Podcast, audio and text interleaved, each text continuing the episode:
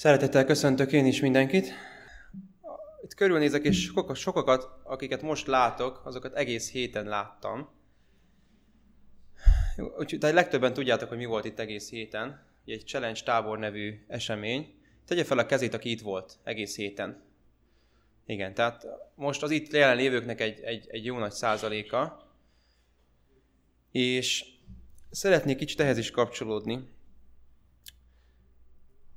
Ki az, aki táborozóként vett részt? Csak is táborozóként, nem volt semmi más feladata.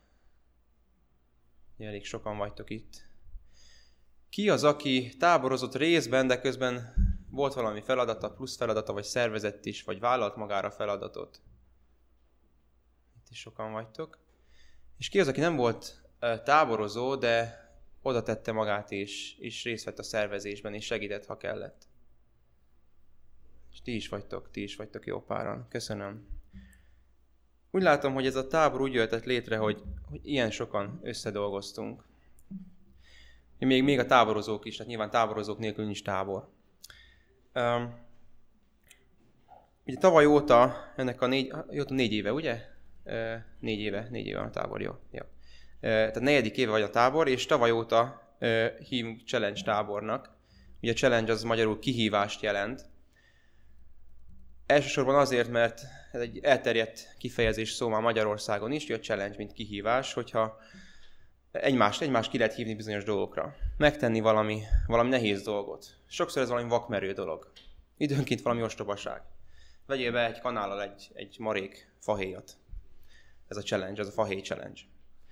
Volt egy időben nagyon népszerű volt a, a Ice Bucket Challenge, a jégvödör challenge. Egy jeges vödör vízzel leöntöd magad ilyenek a challenge-ek. Nálunk bár kicsit máshogy volt, tehát ne, nem így kell elképzelni, aki nem volt a táborban, nem ilyen ostobaságokat csináltunk egész héten, nem csak, nem, nem, tehát, ö, hanem inkább, inkább olyan, olyan challenge olyan kihívások voltak, ö, amelyek valóban, tehát kihívások, nehéz, nehéz végighajtani őket, ö, de azért építenek is. Vannak ilyen kihívások is. És úgy gondolom, hogy vannak olyan kihívások is, amikkel nap mint nap találkozunk amik nem olyanok, hogy önként vállaljuk őket, eljövünk egy táborba, és nap mint nap csináljuk őket, mert, mert jó, mert szórakoztató, hanem, hanem azért, mert jönnek szembe velünk az életben. Jön egy határidő, jön egy dolgozat, jön egy betegség, és ezek is egyfajta kihívások, amiket ö, úgymond teljesíteni kell. És vagy sikerül, vagy nem. Vagy, vagy jól jövünk ki belőle, vagy kicsit rosszul, vagy, vagy nagyon rosszul. Vagy nagyon jól.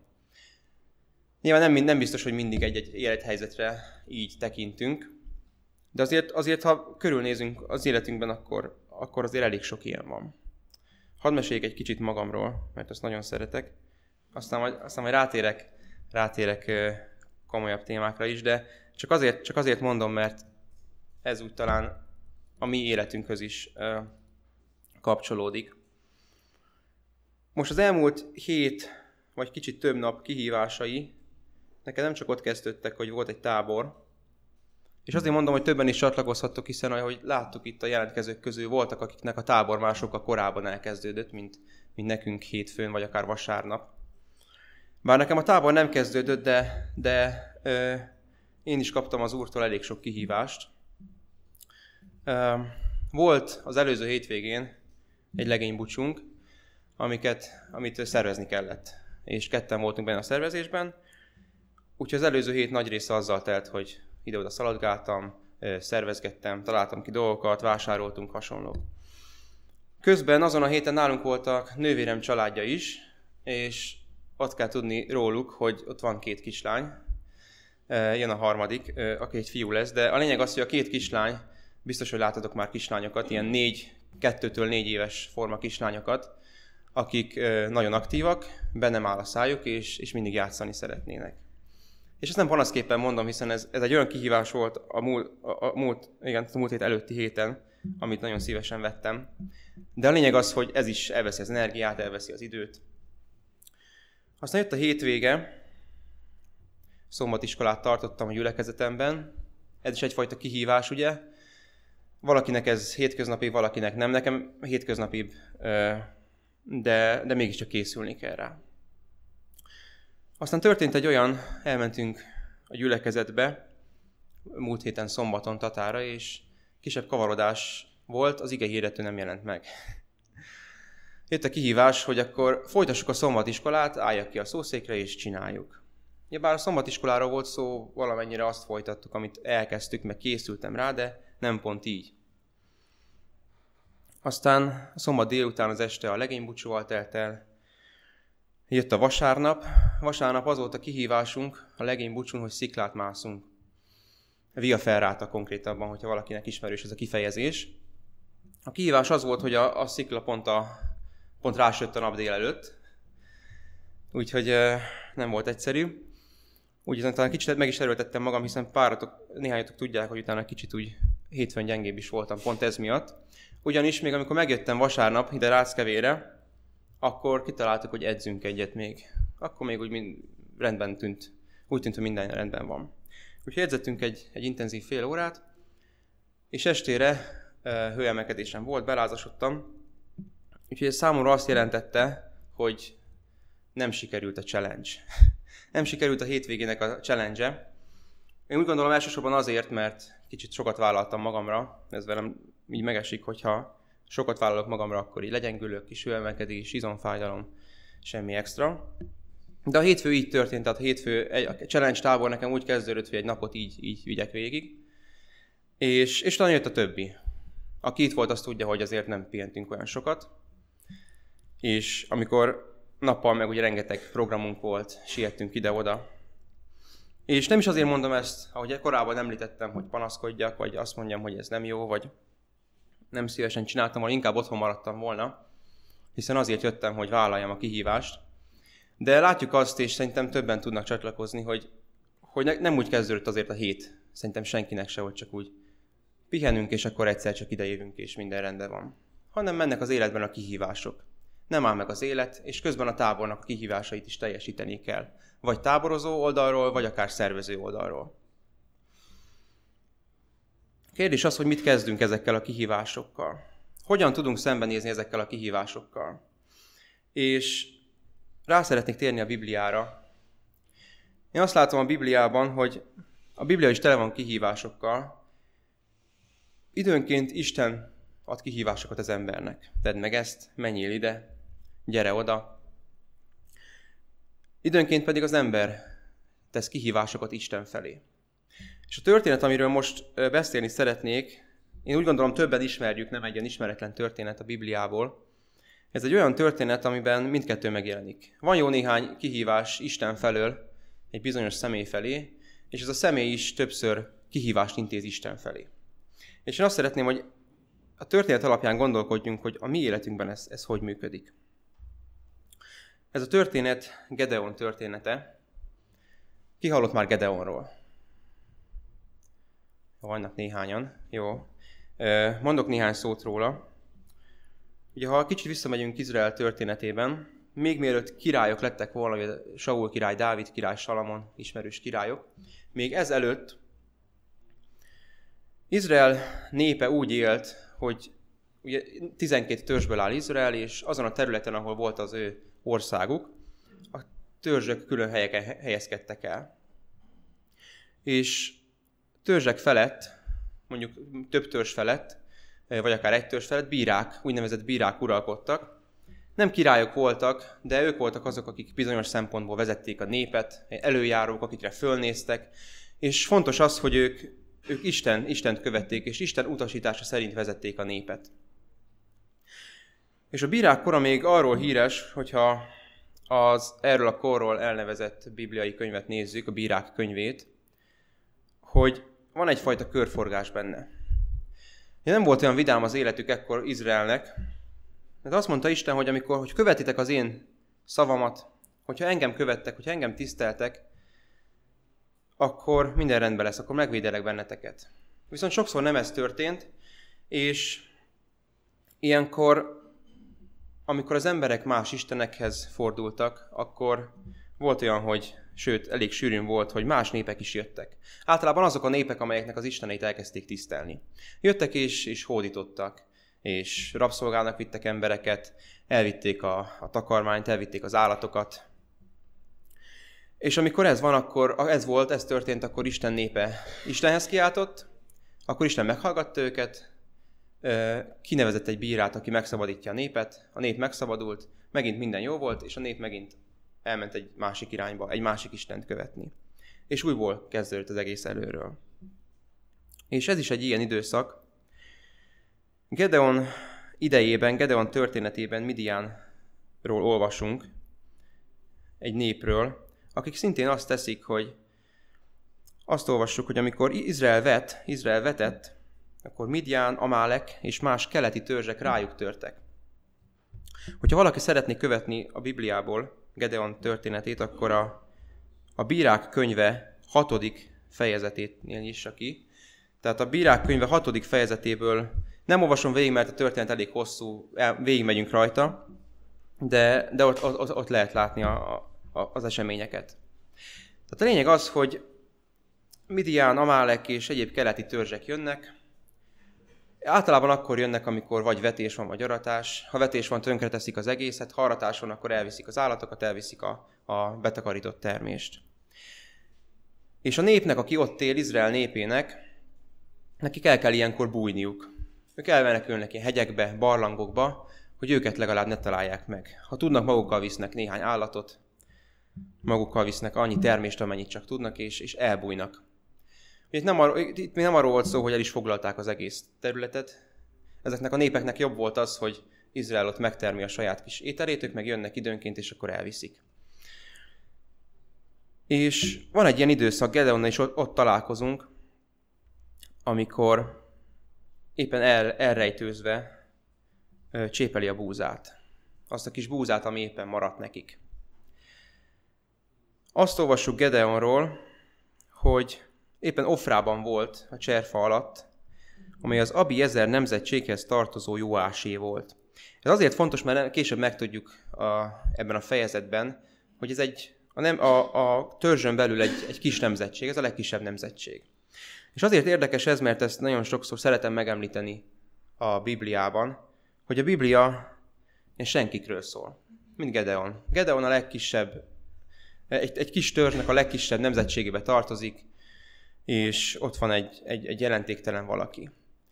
És, és azért mondom ezt, mert szerintem sokszor, ha körülnézünk a világban, mi is tudunk ehhez kapcsolódni, hogy a világban mi is olyan jelentéktelenek vagyunk. Végezzük a mi kis dolgunkat, de nagy kihatással nem vagyunk. A legtöbben nem, ugye a világ viszonylatban legtöbben nem is ismernek minket, csak néhány ember, akikkel körülvesztük magunkat. És ha megnézzük akár Jézust, ő is egy ilyen valaki volt, ugye? Ő is egy olyan faluból jött, amit, hogyha hallottak is róla, akkor csak legyintettek, hogy a Názáret, igen, ez a kis falu. Onnan ugye nem jöhet semmi jó.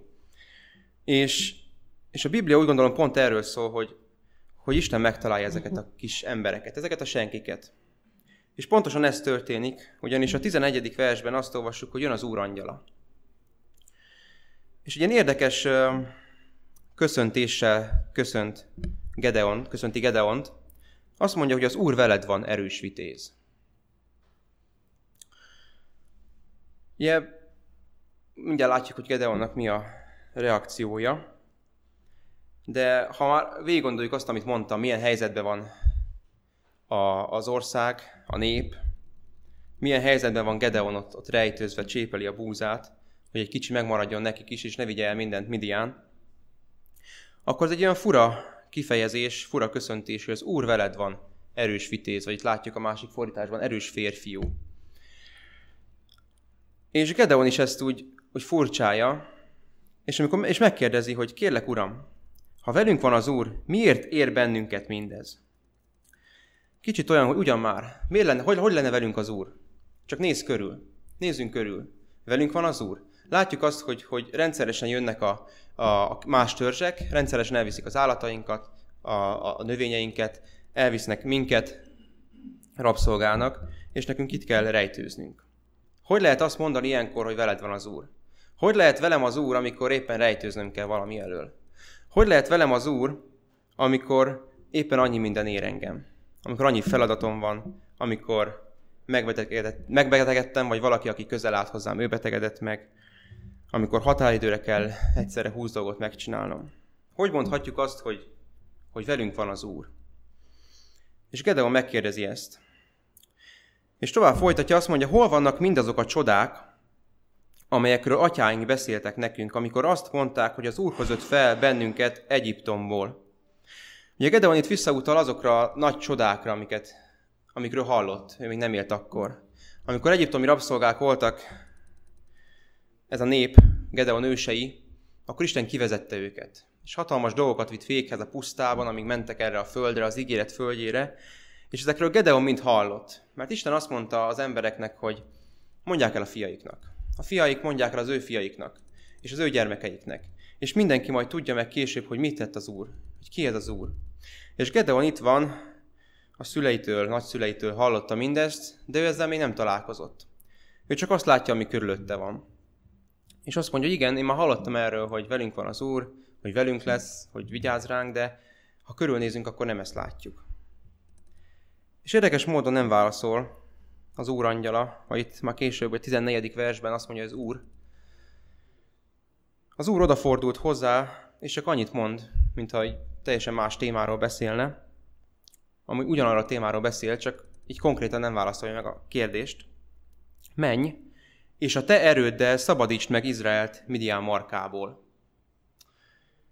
És itt megjelöltem magamnak, hogy itt az Úr első kihívása, itt egy challenge Gedeon felé. Itt van Gedeon, egy senki, aki elrejtőzve búzvát csépel.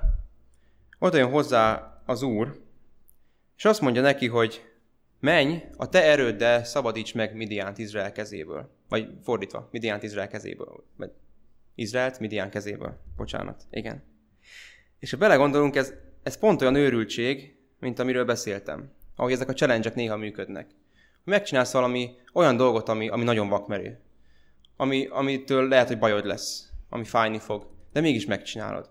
És ez, és ez kicsit olyan, oda megy, oda megy az úr, és azt mondja, hogy te, a te erőddel, Gedeon, nem vagy kiemelkedő, nem vagy erősebb, mint, a má, mint, mint mások, nem is vagy ismert, de a te erőddel szabadíts meg Izraelt.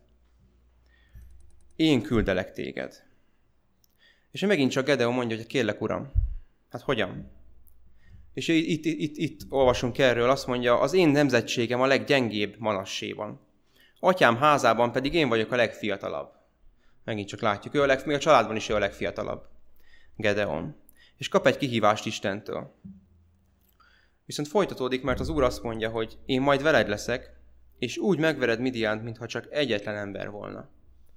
Nem sokára látjuk azt, hogy ez a nép ez hány ember volt, de azt mondja, hogy úgy megvered őket, mintha csak egy ember lenne. És nem tudom, miért mit válaszolnánk. Vagy éreztük-e már ezt, hogy kapunk egy olyan kihívást Istentől, ami lehetetlen. Csinálj meg valamit tegnapra. Ugye ez a, ez a, ez a jól ismert jól ismert kifejezés. És, és ez sokszor általában nem vicc. Viccesen mondjuk, de ez nem vicc, általában mindig tegnapra kellenek a dolgok. És ez valahogy egy ilyen feladat Gedeonnak, csinálj meg valamit, ami lehetetlen. Viszont azt mondja az Úr, hogy veled leszek. És később szeretnénk majd rátérni arra, hogy van-e különbség azzal, hogy velünk van-e az Úr, vagy nem. Viszont azt látjuk, hogy előtte már Gedeon biztosított arról Isten, hogy ő vele van. És itt megfordul a helyzet, Gedeon nem azt mondja, hogy rendben van, megcsináljuk. Ha megyek és megverem Midiánt. Még Gedeonnak ennél több esze van azért. Tudja azt, hogy ez egy lehetetlen kihívás. Viszont Gedeon is kihívást intéz Isten ellen. Azt mondja, hogy ha elnyertem a jó indulatodat, adj nekem egy jelet, hogy valóban te vagy az, aki velem beszél. Jön az Úr angyala, jön az Úr, és Gedeon egy kihívást intéz felé, hogy mutas valamit. Mutas valamit, hogy tudjam, hogy te vagy az, hogy, hogy valóban Isten szól hozzám, és, és, és nem valaki más. Érdekes, hogy nincs konkrét dolog, Gedeon nem mond semmi konkrétat, csak adj egy jelet. És Gedeon elmegy és ételt hoz, egy kecskegidát, és csinál kovásztalan kenyeret. A húst egy kosárba teszi, a húslevét egy fazékba, majd kiviszi a cserfa alá és oda teszi elé. Ugye ez ekkoriban ugye nincs ebben semmi különleges, ez egy vendéglátás. Ugye ez ma is teljesen természetes, hogyha valaki jön, akkor behívjuk esetleg, és, és adunk neki valamit enni. Ekkoriban még fontosabb volt ez. Hogyha jött valaki, ugye akkor nem csak annyi volt, hogy beugrott autóval és, és ment tovább, hanem azok általában messze földről jöttek. És azért jól esett, hogyha az embert behívják. És az azt is mutatta, hogy, hogy, hogy van egy kapcsolat közöttük, és elfogadja őt, mint vendégét. És jön Gedeon, és, és, és ad neki ételt, ad a vendégnek ételt. És azt mondja az, az Úr, azt mondja Isten angyala, vedd a húst, és a kovásztalan kenyereket, tedd le erre a sziklára, és öntsd rá a levét. És akkor az Úr angyala kinyújtja a kezében a botot, megérinti a húst, a kovásztalan kenyereket, és azt olvassuk, hogy a sziklából tűz csapott ki, és megemésztette a húst, meg a kovásztalan kenyereket. Az úr angyala pedig eltűnt Gedeon szem elől. Az úr teljesíti a kihívást, ott van az étel, amit hozott Gedeon a kövön, és amikor a bot hozzáér a kőhöz, akkor a sziklából csap ki a tűz, és megemészti az ételt. Én úgy gondolom, hogy egyetérthetünk abban, hogy teljesítette a kihívást, ez szerintem jelenleg megfelel.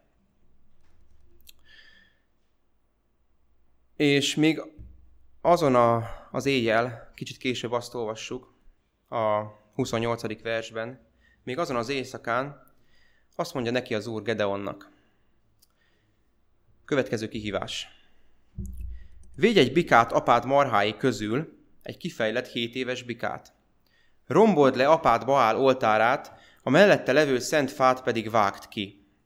Azután építs oltárt Istenednek, az Úrnak ennek az erődnek a tetején a kőrakásból. Vedd a bikát, és áldozd fel égő áldozatul a kivágott szent fa hasábjaim.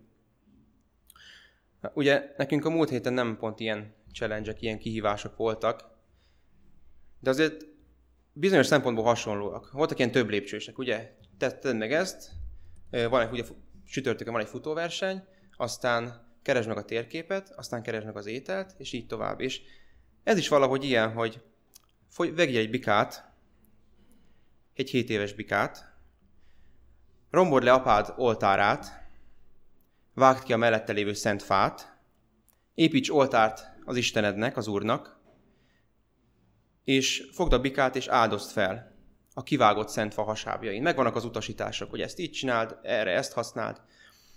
És nem csak ennyi, hanem ez megint csak egy, egy őrültség. A saját apja ellen kell cselekednie. Ugye mondtam azt, hogy, hogy Izrael ilyenkor több, többféle Istent is imádott. Az Úr azt mondta, hogy én vagyok az Isten, az egyedül Isten, és engem imádjatok. És, és nem csak azért, mert ő ezt akarta, mert neki jobban esik, hogyha csak őt, őt nézik és rátekintenek, hanem pontosan azért, amit, amit értük tett. Mert láthatták a kivonulás során, az új földre bevonulás során, hogy, hogy mit tett értük Isten. Mégis voltak más istenek, más isten képek, mint például a Baál, akiket imádtak. És, és én tudjuk azt, én úgy gondolom, hogy, hogy mindannyian tudjuk, hogy azért a vallás az kényes kérdés. Hogyha csak valaki bejönne ide, és ezt a szószéket, csak a szószék nem oltár, de ezt a szószéket fölborogatná, az nem esne jól nekünk, ugye? És Gedeonnak ezt kell megtetnie, a saját apjának egy, egy, egy istenséghez fölemelt oltárt kell lerombolnia, és a mellette lévő szent fát, ami szintén kultikus célokra van ott, azt kivágnia. Egy, egy egyértelmű, megint csak kihívás az ellen az Isten ellen. Egy Baal ellen egy kihívás. És utána azt mondja az Úr, hogy a te Istenednek, az Úrnak, nekem építs oltárt, és ott áldozd fel ezt a bikát, amit hozol. Ráadásul ugye olvassuk, hogy a saját apád marhái közül, akinek az oltárát most lerombolod. És itt az első kihívás, amit Gedeon teljesít, de úgy teljesít, hogy éjszaka. Nem volt megszabva, hogy mikor, de Gedeon elmegy éjszaka. Tíz emberrel, az sem volt megszabva, hogy hány emberrel kell. Úgyhogy Gedeon gondolja, hogy egyszerűsít a, a helyzeten, azt megameli tíz embert, és éjszaka elmegy. Éjszaka nem látja senki. És igaza van, megtörténik ez. Nem látja senki, viszont amikor másnap reggel ezt látják, akkor hamar kiderítik, hogy Gedeon volt az, aki ezt tette. És ugye, ahogy mondtam, azért a vallás kényes téma. Mi a döntés az embereknek, mi legyen azzal, aki ezt tette? Hát öljük meg. Mi természetes. Meg kell halnia, mert lerombolta Baál oltárát. A szentfát pedig kivágta mellőle. És érdekes módon Gedeon napja az, aki mellé áll, És azt mondja, hogy ti akartok perelni Baálért. Ti akarjátok megmenteni őt, aki perbe száll érte, az meg fog halni reggelig. Ha Isten ő, mármint Baál, akkor pereljen ő magáért, amiért lerombolták az oltárát. El is nevezték Gedeont azon a napon Jerubbálnak, ugye ez azt jelenti, hogy pereljen Baál vele, amiért lerombolta az oltárát. Ugye Gedeon apja, érdekes módon nem tudjuk, hogy, hogy ezt hogyan fogadta, hogy az ő oltárát lerombolta a fia, de azt látjuk azt, hogy, hogy egy logikus dolgot mondott, hogyha ez valóban Baálnak az oltára, akkor, akkor Baál majd megbosszulja. Hogyha létezik, hogyha meg tudja tenni, ha van erre hatalma. És Gedeon kap egy ilyen becenevet. Ez is vonatkozott az ilyen challenge-ekre, hogyha valaki megtesz valami nagyon szokatlan dolgot, valami nagy dolgot, akkor elnevezik valahogy az alapján. És Gedeon is kap egy ilyen nevet, hogy Jerubbaal. Pereljen vele Baál. És innentől kezdve Gedeont egyre inkább ismerik. Folytatódik a történet, telik az idő, jönnek a keleti törzsek, Midian, Amálek és a többiek, és megint tábort ütnek Izrael területén. Azt olvassuk, hogy ekkor az úr felruházta lelkével Gedeont, az pedig megfújta a kürtöt és hadba szólította Abiezer nemzetségét. Látjuk azt, hogy megérte Isten, hogy vele lesz, Gedeonnal lesz. És látjuk azt is, hogy amikor kellett, akkor ott van. Az úr felruházta lelkével Gedeont, erőt ad neki. És Gedeon fogja és, és összeszólítja az embereket. Ugye először a saját nemzetségét azt olvassuk, de olvassuk azt is, hogy a nemzetség ez kicsi. Ez a legkisebb nemzetség a törzsön belül. Viszont követeket küld Manasséba, ugye az a, az a törzs, ahol, ahol vannak, és az is elmegy vele. Követeket küld Ásérba, Zebulonba, Naftaliba, ugye ők is külön törzsek, és onnan is mennek vele, más törzsekből is mennek Gedeonnal. És én úgy gondolom, ennek köze van ahhoz, hogy Gedeon ilyen challenge teljesített Istennek, hogy lerombolt az apja oltárát. És Gedeon ismert lett, hogy ő, ő, ő Jerub Baal, ő az, aki Baal oltárát lerombolta. És ő biztos tud valamit. Hogyha ő lerombolja Baal oltárát, és az Úrnak, az Istennek épít oltárt azon a helyen, és a szentfát használja fel, a, hogy meggyújtsa vele az oltárt, akkor ő biztos tud valamit. És az emberek hallják, hogy ez a Jerubál jön, összehívja az embereket, és, és megy velük. Vagy mennek vele, mennek Gedeonnal. És Gedeon, Gedeonnal már történt egy-két dolog, látjuk. Kapott jelet, végre, végre hajtott valamit, ami azért elég nehéz volt, és, és túlélte, ismertebb lett, és, és még ilyenkor is először összehívja, már van annyi hit benne, hogy, hogy összehívja az embereket, hogy menjünk harcolni, menjünk harcolni a, a keleti törzsek ellen, és mégis kihívást intéz megint Isten felé. Itt van Gedeon második és harmadik kihívása, Gedeon megint azt mondja, hogy ha valóban így van, ahogy megígérted, ha valóban a kezem által akarod megszabadítani Izraelt, akkor én most kiteszek egy fürd gyapjút a szérűre, kiteszem a fűre, a mezőre, és ha csak maga a gyapjúfürt lesz harmatos, a föld pedig mindenütt száraz marad, akkor tudni fogom, hogy az én kezem által szabadítod meg Izraelt, ahogy megígérted. Most az előzőek alapján látjuk, hogy azért Istennek ez nem nagy kihívás, de hát milyen kihívást adjunk Istennek, amit ugye nem tud teljesíteni. De mégis Gedeon biztos akar lenni, és azt mondja, hogy kirakom a mezőre ezt a gyapjút. Hogyha a gyapjú harmatos lesz, a föld pedig száraz, akkor, akkor rendben van, teljesítetted a kihívást, megteszem azt, amit mondasz. És másnap reggel kimegy, megtörténik. A föld körül száraz, a fű, minden, és a gyapjúban van a víz. És azt mondja Gedeon, ne haragudj meg reám, ha még egyszer szólok hadd tegyek próbát még egyszer a gyapjúfürtel. Csak hogy, csak hogy biztosak legyünk. Biztosak legyünk a dologban, hogy ezt tényleg te adod a jelet, tényleg képes vagy erre, tényleg megadod-e, amit ígértél. Most a gyapjúfűt legyen száraz, és minden más körülötte legyen vizes. És ugye mondanom sem kell, Isten úgy tett azon az éjszakán, ahogy a 40. versben olvassuk, csak a gyapjúfürt maradt száraz, a földet pedig mindenütt harmad borította. Ez egy nagyon érdekes jelenet, mert én talán többször hallottuk azt, hogy beszélünk arról, hogy ne kísérsd az Istent. Ne tedd próbára, mert ugye hát nem hiszel benne. Nem hiszel benne, hogy Isten, Isten képes erre. És valahogy Gedeonnál ezt látjuk, hogy ő hogy ő mégiscsak harmadszorra is próbálkozik, hogy Isten ezt meg, meg tudod tenni? Mert ha meg tudod, akkor, akkor követlek. Akkor megteszem azt, amit, amit kértél. De úgy gondolom, hogy ez nagyon sokszor megtörténik. A Bibliában is. Nem olyan rég Jákobról beszéltem, és Jákobnál is pontosan ez van. Amikor megjelenik Jákobnak az a csodálatos álom, a létre, ami összeköti a mennyet és a földet, és Isten megígéri ott neki, hogy, hogy vele lesz bárhová megy, és majd hazavezeti, akkor Jákob nem azt mondja, hogy ú, rendben van, akkor én mostantól kezdve téged követlek mindig, hanem azt mondja, hogy ha ez valóban így történik, ez is egyfajta kihívás Isten, Isten felé. Ha ez valóban így történik, akkor valóban megtörténik, az velem leszel, és hazavezetsz, és nagy néppé teszel, ahogy, ahogy ígérted az elődeimnek, akkor te leszel az Istenem, és én téged foglak követni. És Gedeon is valami ilyesmit csinál, hogy én korábban nem ismertem az urat, mondja Gedeon, mert csak meséket hallottam róla. Azt mondja, a szüleink, a nagyszüleink mondták, hogy persze az ő nagyszüleikkel történtek szép dolgok, Isten megígérte nekik, hogy, hogy mi a helyzet, hogy, hogy ahogy itt vanunk az országban, és, és minden jó lesz, de, de ha körülnézünk, akkor nem ez van, mondja Gedeon. Ha körülnézünk, akkor azt látjuk, hogy jönnek Midian, jönnek az amálekiták, jönnek a keleti törzsek, és, és pusztítják a népet, pusztítják a, a termést, pusztítják az állatokat. És amikor jön az Úr, és azt mondja, hogy én vagyok az Úr, és veled vagyok, és erős vagy, és, és te fogod megszabadítani a népet, akkor Gedeonnak szüksége van ezekre a, a kihívásokra, hogy lássa azt, hogy Isten, Isten valóban az-e, aki, aki a, valóban az a, a, megteszi azt, amit megígért. Ugyanis Gedeon, amikor ott van, abban a pillanatban nem úgy néz ki.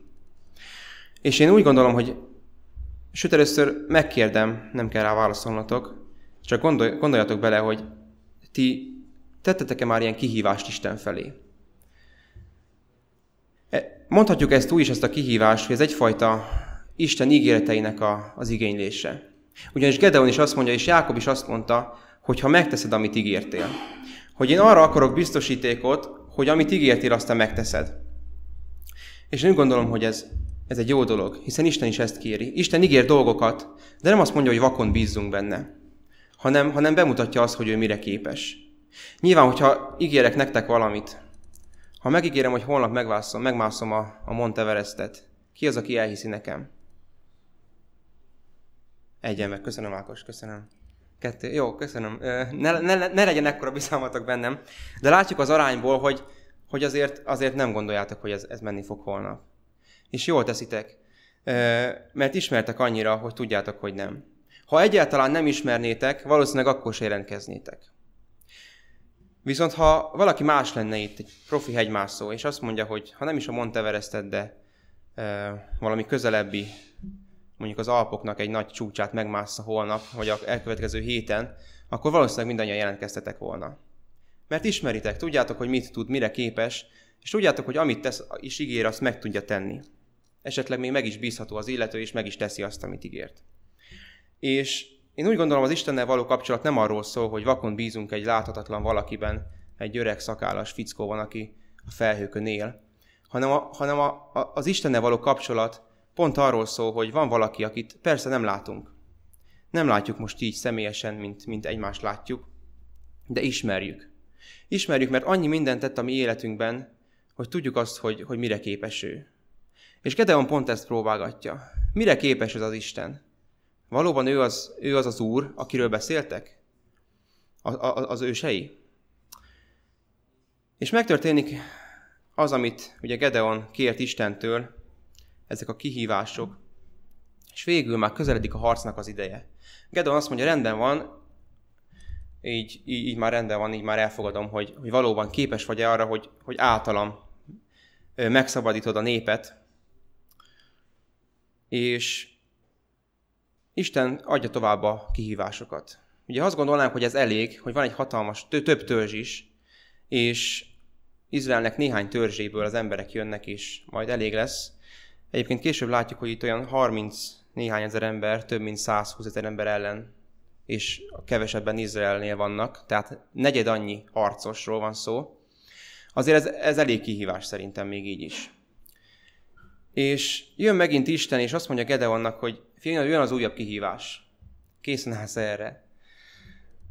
Azt mondja, hirdest ki a nép előtt, hogy aki fél, és retteg, az térjen vissza, távozzék Gileát hegyvidékéről. Ugye ott van azon a környéken vannak a, az ellenséges csapatok. Aki fél, az retteg, térjen vissza. Ugye, hát most Gedeon megteszi, most mire gondolnánk? Ez nem nagy dolog, hát aki eljött, az csak nem fél. Mi történik? Láthatjuk a, itt fönt.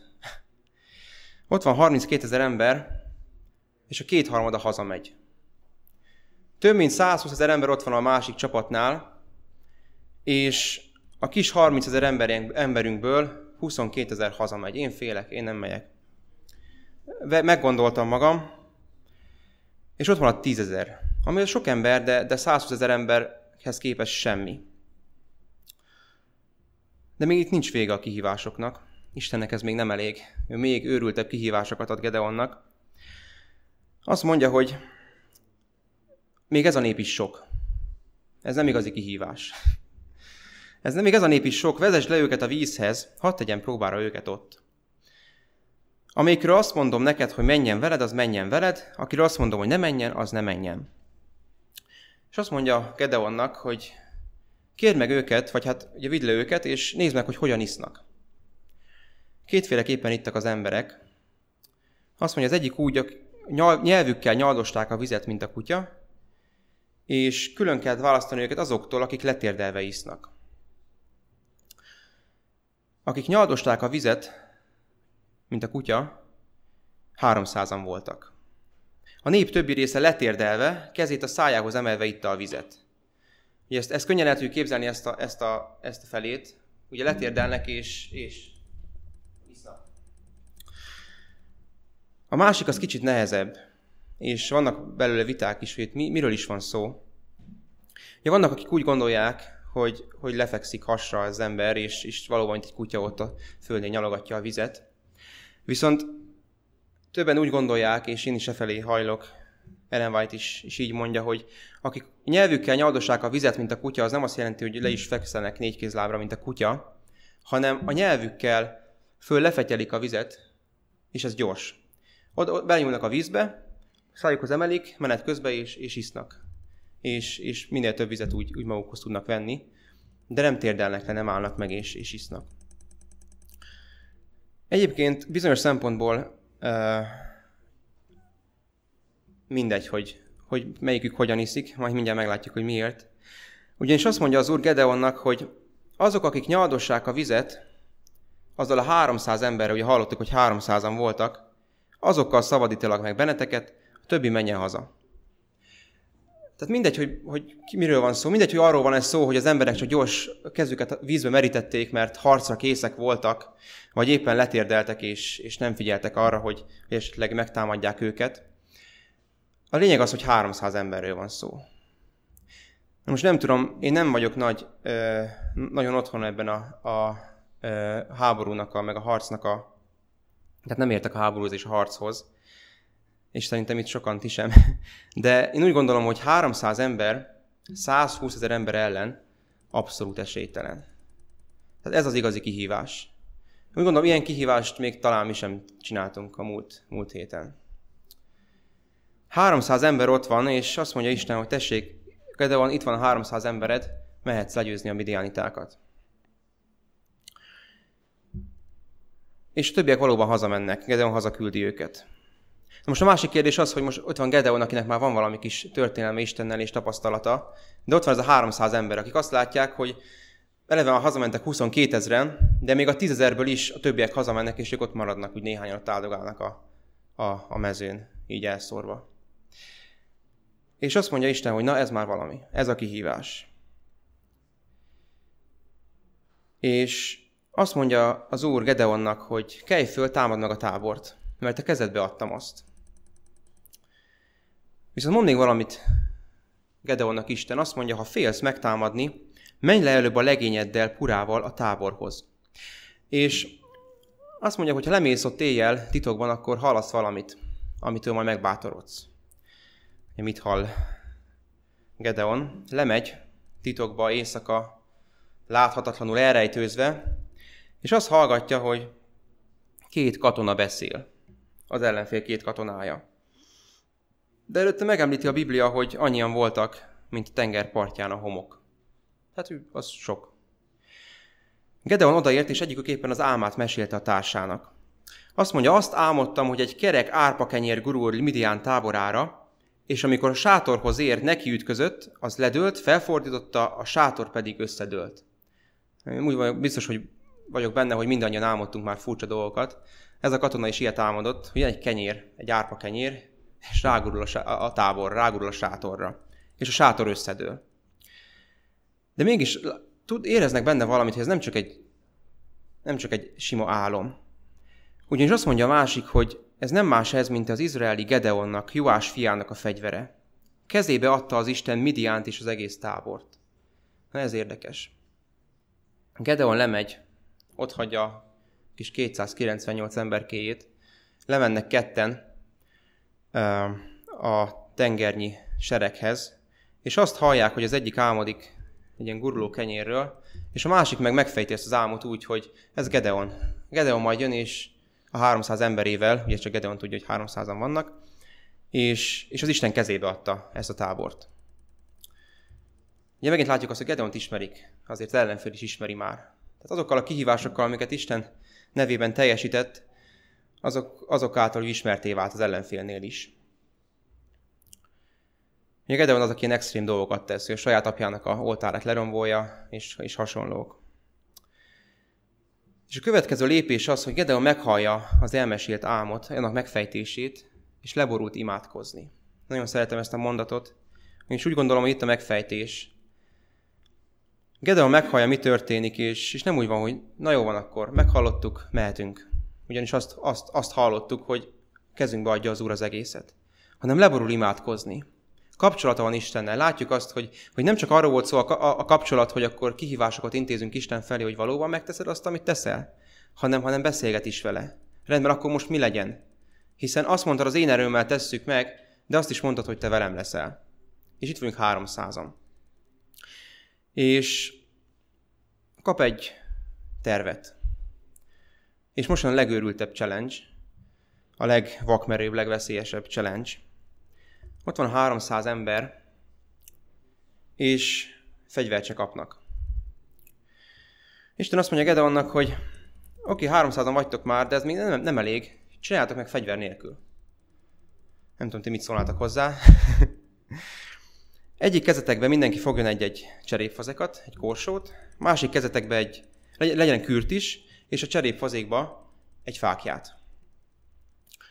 És menjetek. És Gedeon felosztja a 300 embert 100-100 emberre, három csapatra, és körülveszik a, a tábort titokban éjszaka. És amikor megfújja Gedeon a kürtöt, akkor, akkor mindenki, aki hallja, megfújja a kürtöt, összetörik a korsókat, és azt kiáltják fákjával a kezükben, hogy az Úrért és Gedeonért. Na most képzeljük ezt el, hogy oda megyünk egy ellenséges tengernyi csapathoz páran, korsóval, kürtel a kezünkben, megfújjuk, elkezdjük lóbálni a fákját, és kiabálunk, hogy az Úrért és Gedeonért. Hogyha ez nem kihívás, akkor semmi sem. Tehát ehhez képest a, a fahéjas és a, és a jeges földörös kihívás az semmi.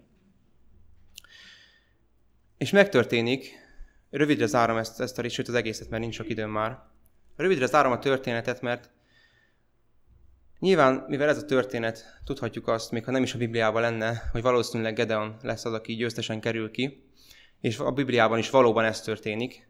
Lemegy a 300 ember, 100-100 ember körülveszi ezt a hatalmas tábort, Gedeon elkezdi fújni a kürtöt, többiek is elkezdik fújni a kürtöt, összetörik a cserépkorsókat, és fákjával kiabálják, hogy az Úrért és Gedeonért.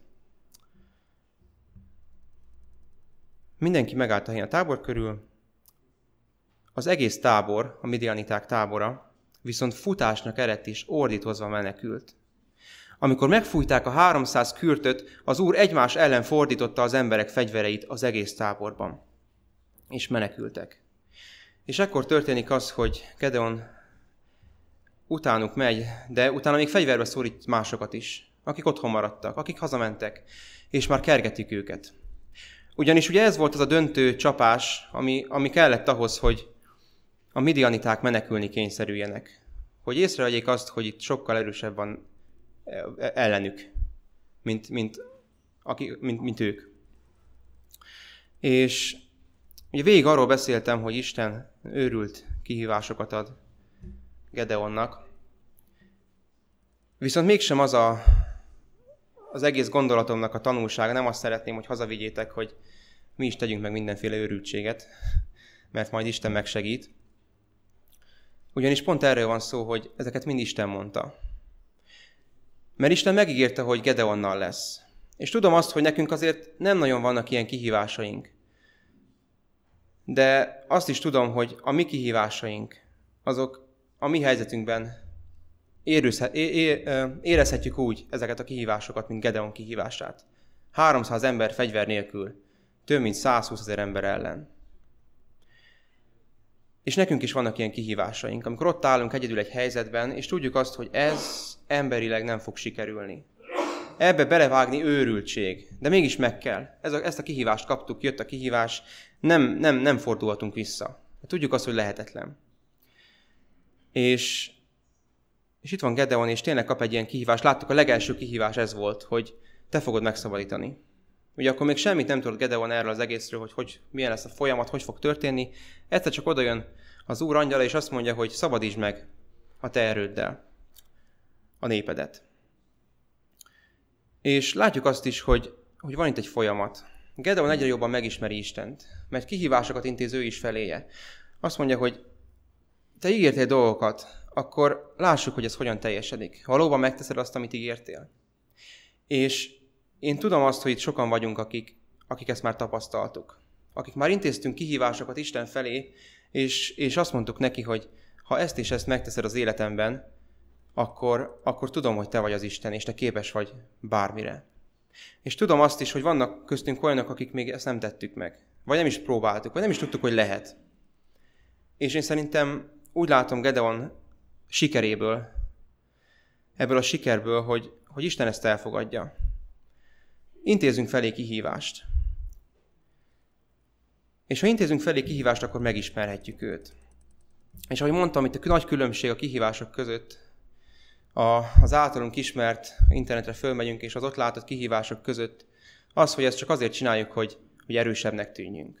Hogy lássák azt az emberek, hogy mi erre is képesek vagyunk. Hogy jó pár éve ugye az volt, hogy, hogy meg kellett inni egy fél, egy, egy fél literes korsó sört egy, egy húzamban, húzóra. Meg tudjuk ezt csinálni, ugye? Hogy bemutatjuk a neten, meg tudjuk csinálni. Ja, ez csak erről szól, mi vagyunk az erősek. És Gedeonnak a, a lehetetlen, őrületes kihívásai arról szóltak, hogy bemutassa, hogy Isten képes erre. Hogy Isten kiválasztja a legkisebb embert, egy kis törzs legkisebb nemzetségének a legkisebb tagját, és ő által is képes megnyerni a csatát. És ő által is képes arra, hogy, hogy a mi nehéz élethelyzeteinket megoldja. Akkor is, ha csak mi vagyunk ott, és csak mi szállunk szembe ezzel a helyzettel. És nem segít nekünk senki más, mert ott van Isten.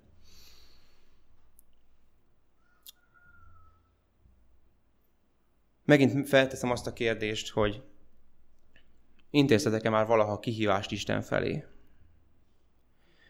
Ha szeretnétek, tegyétek fel a kezeteket.